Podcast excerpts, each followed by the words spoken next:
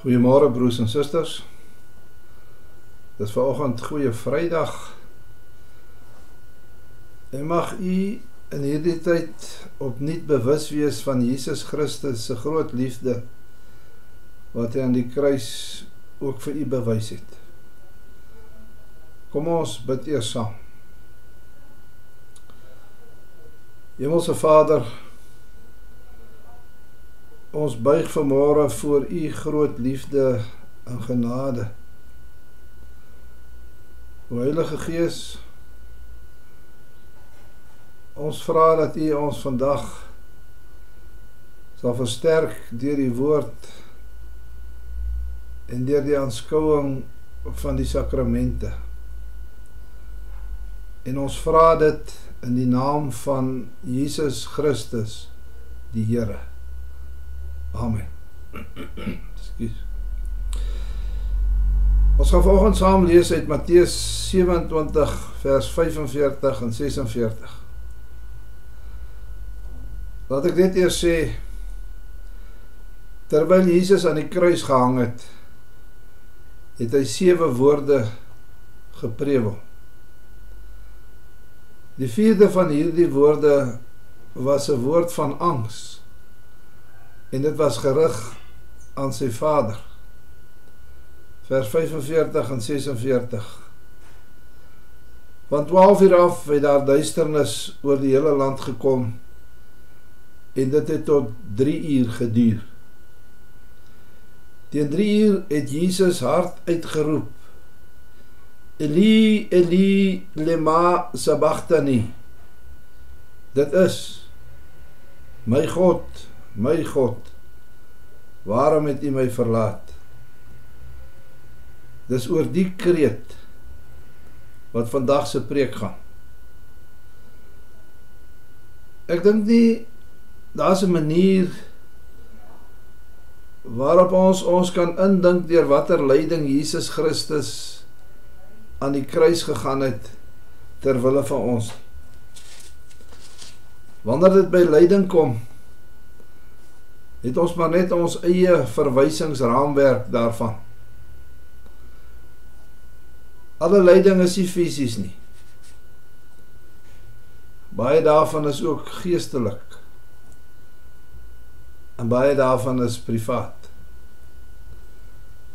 Wat in baie mense se gedagtes en lewens aangaan, weet net hulle en die Here. Ek dink 'n mens se ervaring van preke en gedeeltes uit die Bybel word baie keer bepaal deur jou gemoedstoestand wat jy op daardie stadium het. 5 jaar gelede het ek vir 'n verhaal vertel wat Max Lucado geskryf het die die titel daarvan was That is why they called him savior. Ek wil nou nie weer die hele storie vertel nie. Maar iets van hierdie storie beleef ons nou in hierdie tyd. En dit laat 'n mens ook dink aan die omstandighede waarin Jesus moes gewees het toe hy uitgeroep het: My God, my God, waarom het U my verlaat? Lekado se storie gaan so. Dit was in Miami. Die somer van 1980. En dit was regtig baie warm. Daar was betogings. Winkels is gestroop. Die rassespanning het hoog geloop en het gedreig om die mense se delikate emosies te knak. En alles het hand oor hand toegeneem werkloosheid, inflasie, 'n misdaad. Dit was soos dit dalk by u is wanneer u wonder, ekskuus. Wat gaan alles rondom die COVID-19 virus gebeur? Wat gaan gebeur as die besighede ineenstort? As mense nie werk het nie. Lucado vertel dat tussen alles wat gebeur het 'n Miami Herald verslaggewer hierdie storie geskryf het. Die storie het die hele goue kus se wind uitgeslaan. Dit was die storie van Judy Bucknell. Aantreklik, suksesvol en dood. Op die 9de Junie van daardie jaar het 'n moordenaar haar 7 keer met 'n mes gesteek en toe verwrig. Sy was 38 jaar oud. En sy het 109 pond geweg. En sy het 'n dagboek gehou. As dit nie vir die dagboek was nie, sou niemand van Judy Bucknell geweet het nie. Die dagboek vertel van haar eensame lewe. Sy het tussen mense gelewe. Maar sy het nie regtig met hulle kontak gemaak nie. Dit waarmee sy geworstel het was eintlik nie vreemd nie. Sy het gewonder oor oud word, vet word, swanger raak, kinders hê en trou. Sy het in 'n goeie woonbuurt gebly. En haar woonstel het oor die see uitgekyk. Nou is dit so dat almal van ons een of ander tyd eensaamheid belewe. Dalk ervaar jy die alleen wees van nou ook sleg. En dis in tye soos hierdie wat 'n mens nogal dink oor jou lewe. Want die COVID-19 virus het die potensiaal om 'n mens baie siek te maak of dood te maak. En dan vra mens watter ellende gaan dit bring in ons ekonomie? En hoe gaan dit vir my raak? Judy Bucknell was respektabel. Sy het ook partytjies gehou. Sy het gedraf. Sy het ontwerpersklere gedra. En sy was eensaam. Sy sê of skryf ek sien mense saam. En dan sê ek so jaloers dat ek daarvan wil opbring. Wat van my? Wat van my? Al was hy omring deur mense. Was hy op 'n eiland van eensaamheid. Sy vra na boek. Wie gaan lief wees vir Judy Bucknell? Al het haar liggaam op die 9de Junie gesterf met die wonde van 'n mes. Het sy in haar hart lank tevore gesterf van eensaamheid. Daar is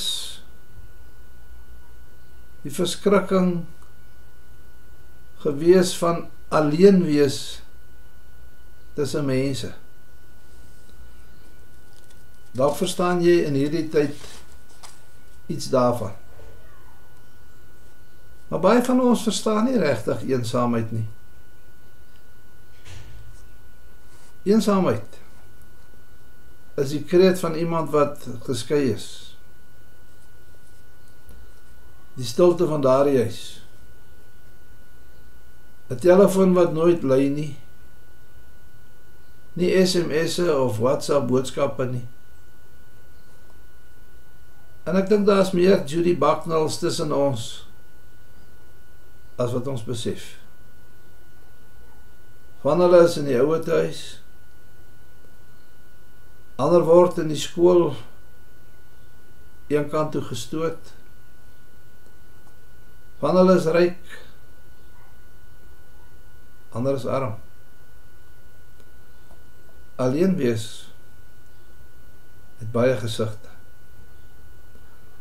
Van van ons het omtrent almal alles lag huis toe verlang. Maar ons moet dankbaar wees as wanhoop nog nie aan ons deur geklop het nie. Ons moet eerder bid dat dit nooit gebeur nie. Hierdie preek is vir mense wat wanhoop eerste rangs ken. Vir die wat 'n eensame mens vind as hulle in die spieël kyk. Dit preek vir die vir wie eensaamheid 'n manier van lewe is. Kon begin het in jou kinderjare of toe jy geskei is of by die graf of toe jou kinders uit die huis uit is Dalk het jy soos Judy Bucknell nog altyd almal geflous. Is daar niemand wat eers weet jy is eensaam nie? Jy glimlag gou. En jou werk is seker. Jou klere is modern. Maar as jy in die spieël kyk, dan flous jy niemand nie.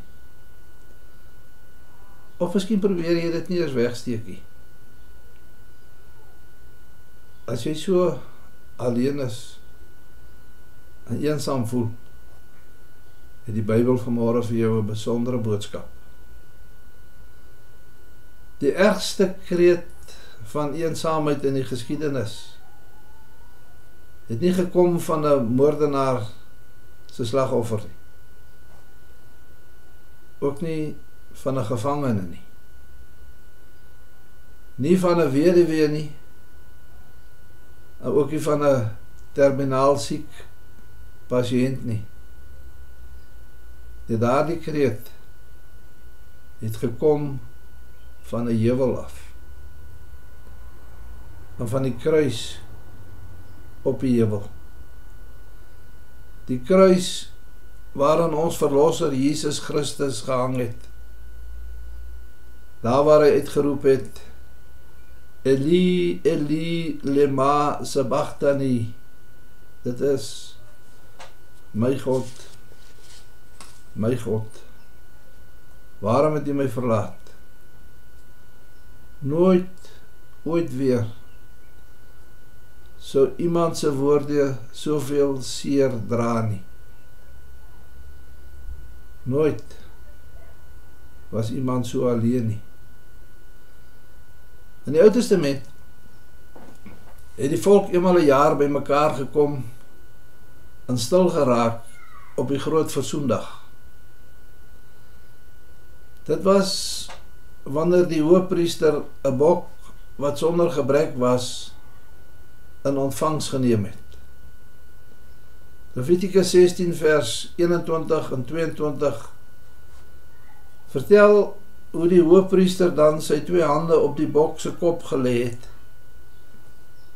En dan het hy die oortredings die opstandigheid en die sonde van die Israeliete daaroor die bok se kop bely.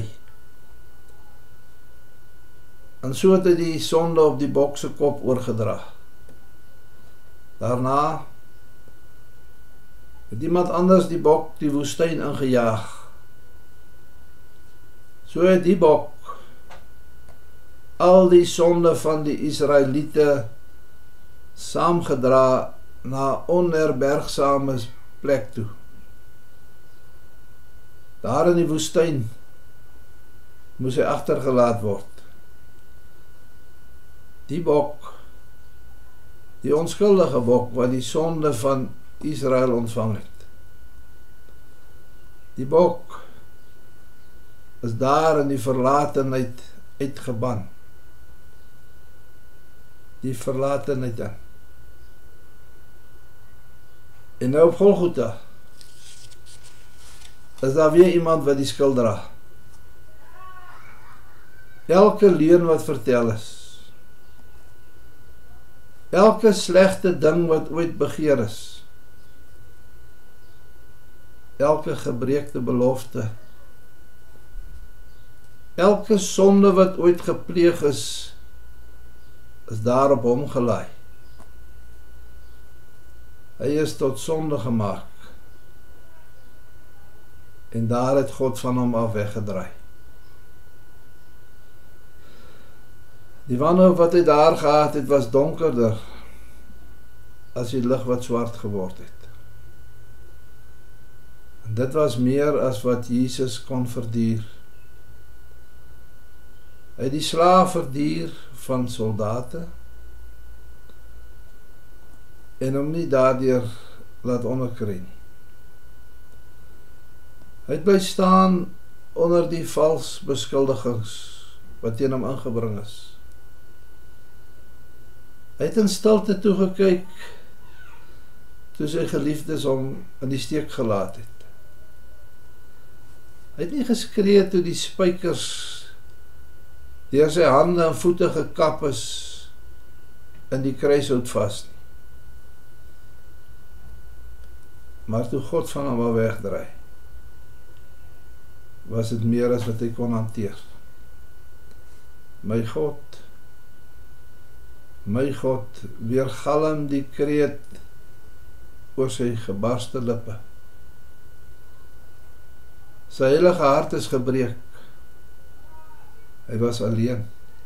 Regtig totaal alleen. My God, waarom het U my verlaat? Waarom het Jesus toegelaat dat dit gebeur? Ons ken almal die antwoorde op die vraag. Dit was om aan die wette voldoen. Dit was om die profesie daaroor te vervul. Dit was om die skuld van die wêreld te betaal. Ook jou en my sondeskuld maar daar's nog iets hier betrokke.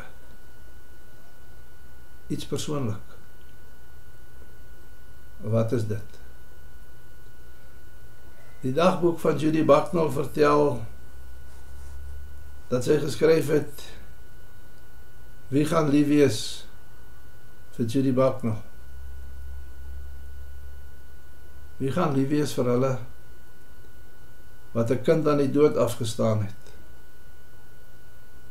Wie gaan lief wees vir die weeskind vir wie niemand regtig omgee nie?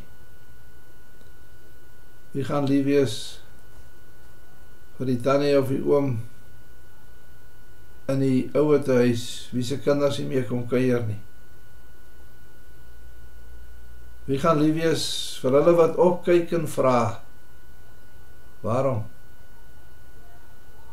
En dan sien 'n mens hom En dan weet jy hy luister. Hy wys sy deurboorde hande en sê ek verstaan. Ek was een keer regtig alleen. Vra hom om in jou eensaamheid in te kom en dit weg te neem. Dis hoekom hy gekom het. Amen. Ek gaan nou vir julle verkorte nagmaalsformulier lees. Dit klink so. Die Here het in die nag waarin hy oorgelewer is, brood geneem. En nadat hy God gedank het, het hy dit gebreek en gesê: "Dis my liggaam, dis vir julle. Gebruik dit tot my gedagtenis. Net so het hy na die nagmaal die beker geneem en gesê: Hierdie beker is die nuwe verbond wat deur my bloed beseël is. Gebruik dit elke keer as jy daaruit drink tot my gedagtenis. Om die nagmaal reg te vier, moet ons nadink oor ons sonde en ons daaroor voor God verootmoedig. Ons moet ook erken dat ons weet dat dit net Jesus Christus is wat maak dat ons sondes vergewe is. Die sakrament van die brood en die wyn herinner ons aan hoe Jesus Christus vir ons gelei het en hoe hy van God verlate was. Maar ons onthou ook dat Jesus opgestaan het uit die dood. En dat hy deur die Heilige Gees by ons teenwoordig is ook in die nagmaal. En daarom is die nagmaal 'n vreugdesgeleentheid. Want ons weet ons behoort aan die Here en niks en niemand kan ons van sy liefde skei nie. Kom ons bid eers saam. Here Jesus, dankie dat U U liggaam en U bloed gegee het om ons van ons sonde te verlos. Dankie dat U daardeur vir ons die ewige lewe verseker het gee dat die tekens van die lyding en sterwe ook vandag ons in ons geloof sal versterk. Ons vra dit in die naam van Jesus Christus die Here. Amen. Soos ons gebruik is, doen ons almal hardop saam die geloofsbelijdenis en die woorde van die 12 artikels. Dit is welkom om daar waar jy nou is dit saam met my te doen. Ek glo in God die Vader, die Almagtige, die Skepper van die hemel en die aarde. En in Jesus Christus, sy enige gebore seun, ons Here, wat ontvang is van die Heilige Gees, gebore is uit die maagd Maria, wat gelei het onder Pontius Pilatus, gekruisig is, gesterf het en begrawe is, en ter helle neergedaal het. Wat op die derde dag weer opgestaan het uit die dood. Wat opgevaar het na die hemel en sit aan die regterhand van God die almagtige Vader. Van waar hy sal kom om te oordeel die wat nog lewe en die wat reeds gesterf het. Ek glo in die Heilige Gees. Ek glo aan 'n heilige algemene Christelike kerk die gemeenskap van die heiliges die vergifnis van sondes die opstanding van die vlees en 'n ewige lewe ons kan nou by die geleentheid die nagmaal net simbolies gebruik die brood wat ons breek is die gemeenskap met die liggaam van Jesus Christus. Neem, eet, gedenk en glo dat sy liggaam gebreek is as 'n volkomme verzoening vir al ons sondes.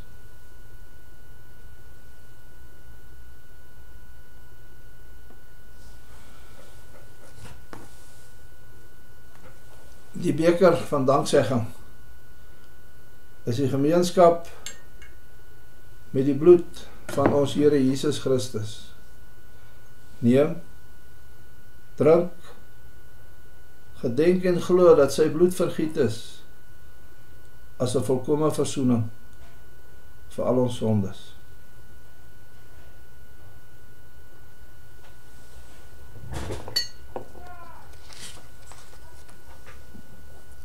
Kom ons bid saam. Here Ons dink vandag aan elkeen wat wie baie nodig het. Aan elkeen wat alleen is en dit nie kan hanteer nie. Ons wil vra o Heilige Gees dat U vir ons die insig sal gee om te verstaan waardeur Jesus Christus ter wille van ons gegaan het. Gee dat elkeen in pyn en nood sal weet Jesus verstaan. Want hy die pyn en die smart van die wêreld op hom geneem toe hy van God verlate was. Hemelse Vader, gee dat ons al verstaan dat ons nooit van U verlate sal wees nie. Omdat U eenmal aan die kruis U seun verlaat het. Gaan asseblief met elkeen wat in hierdie tyd deur die koronavirus geraak is. Ons vra dit in die naam van Jesus Christus die Here. Amen. Mag jy 'n baie mooi en 'n geseënde dag saam met u gesin belewe.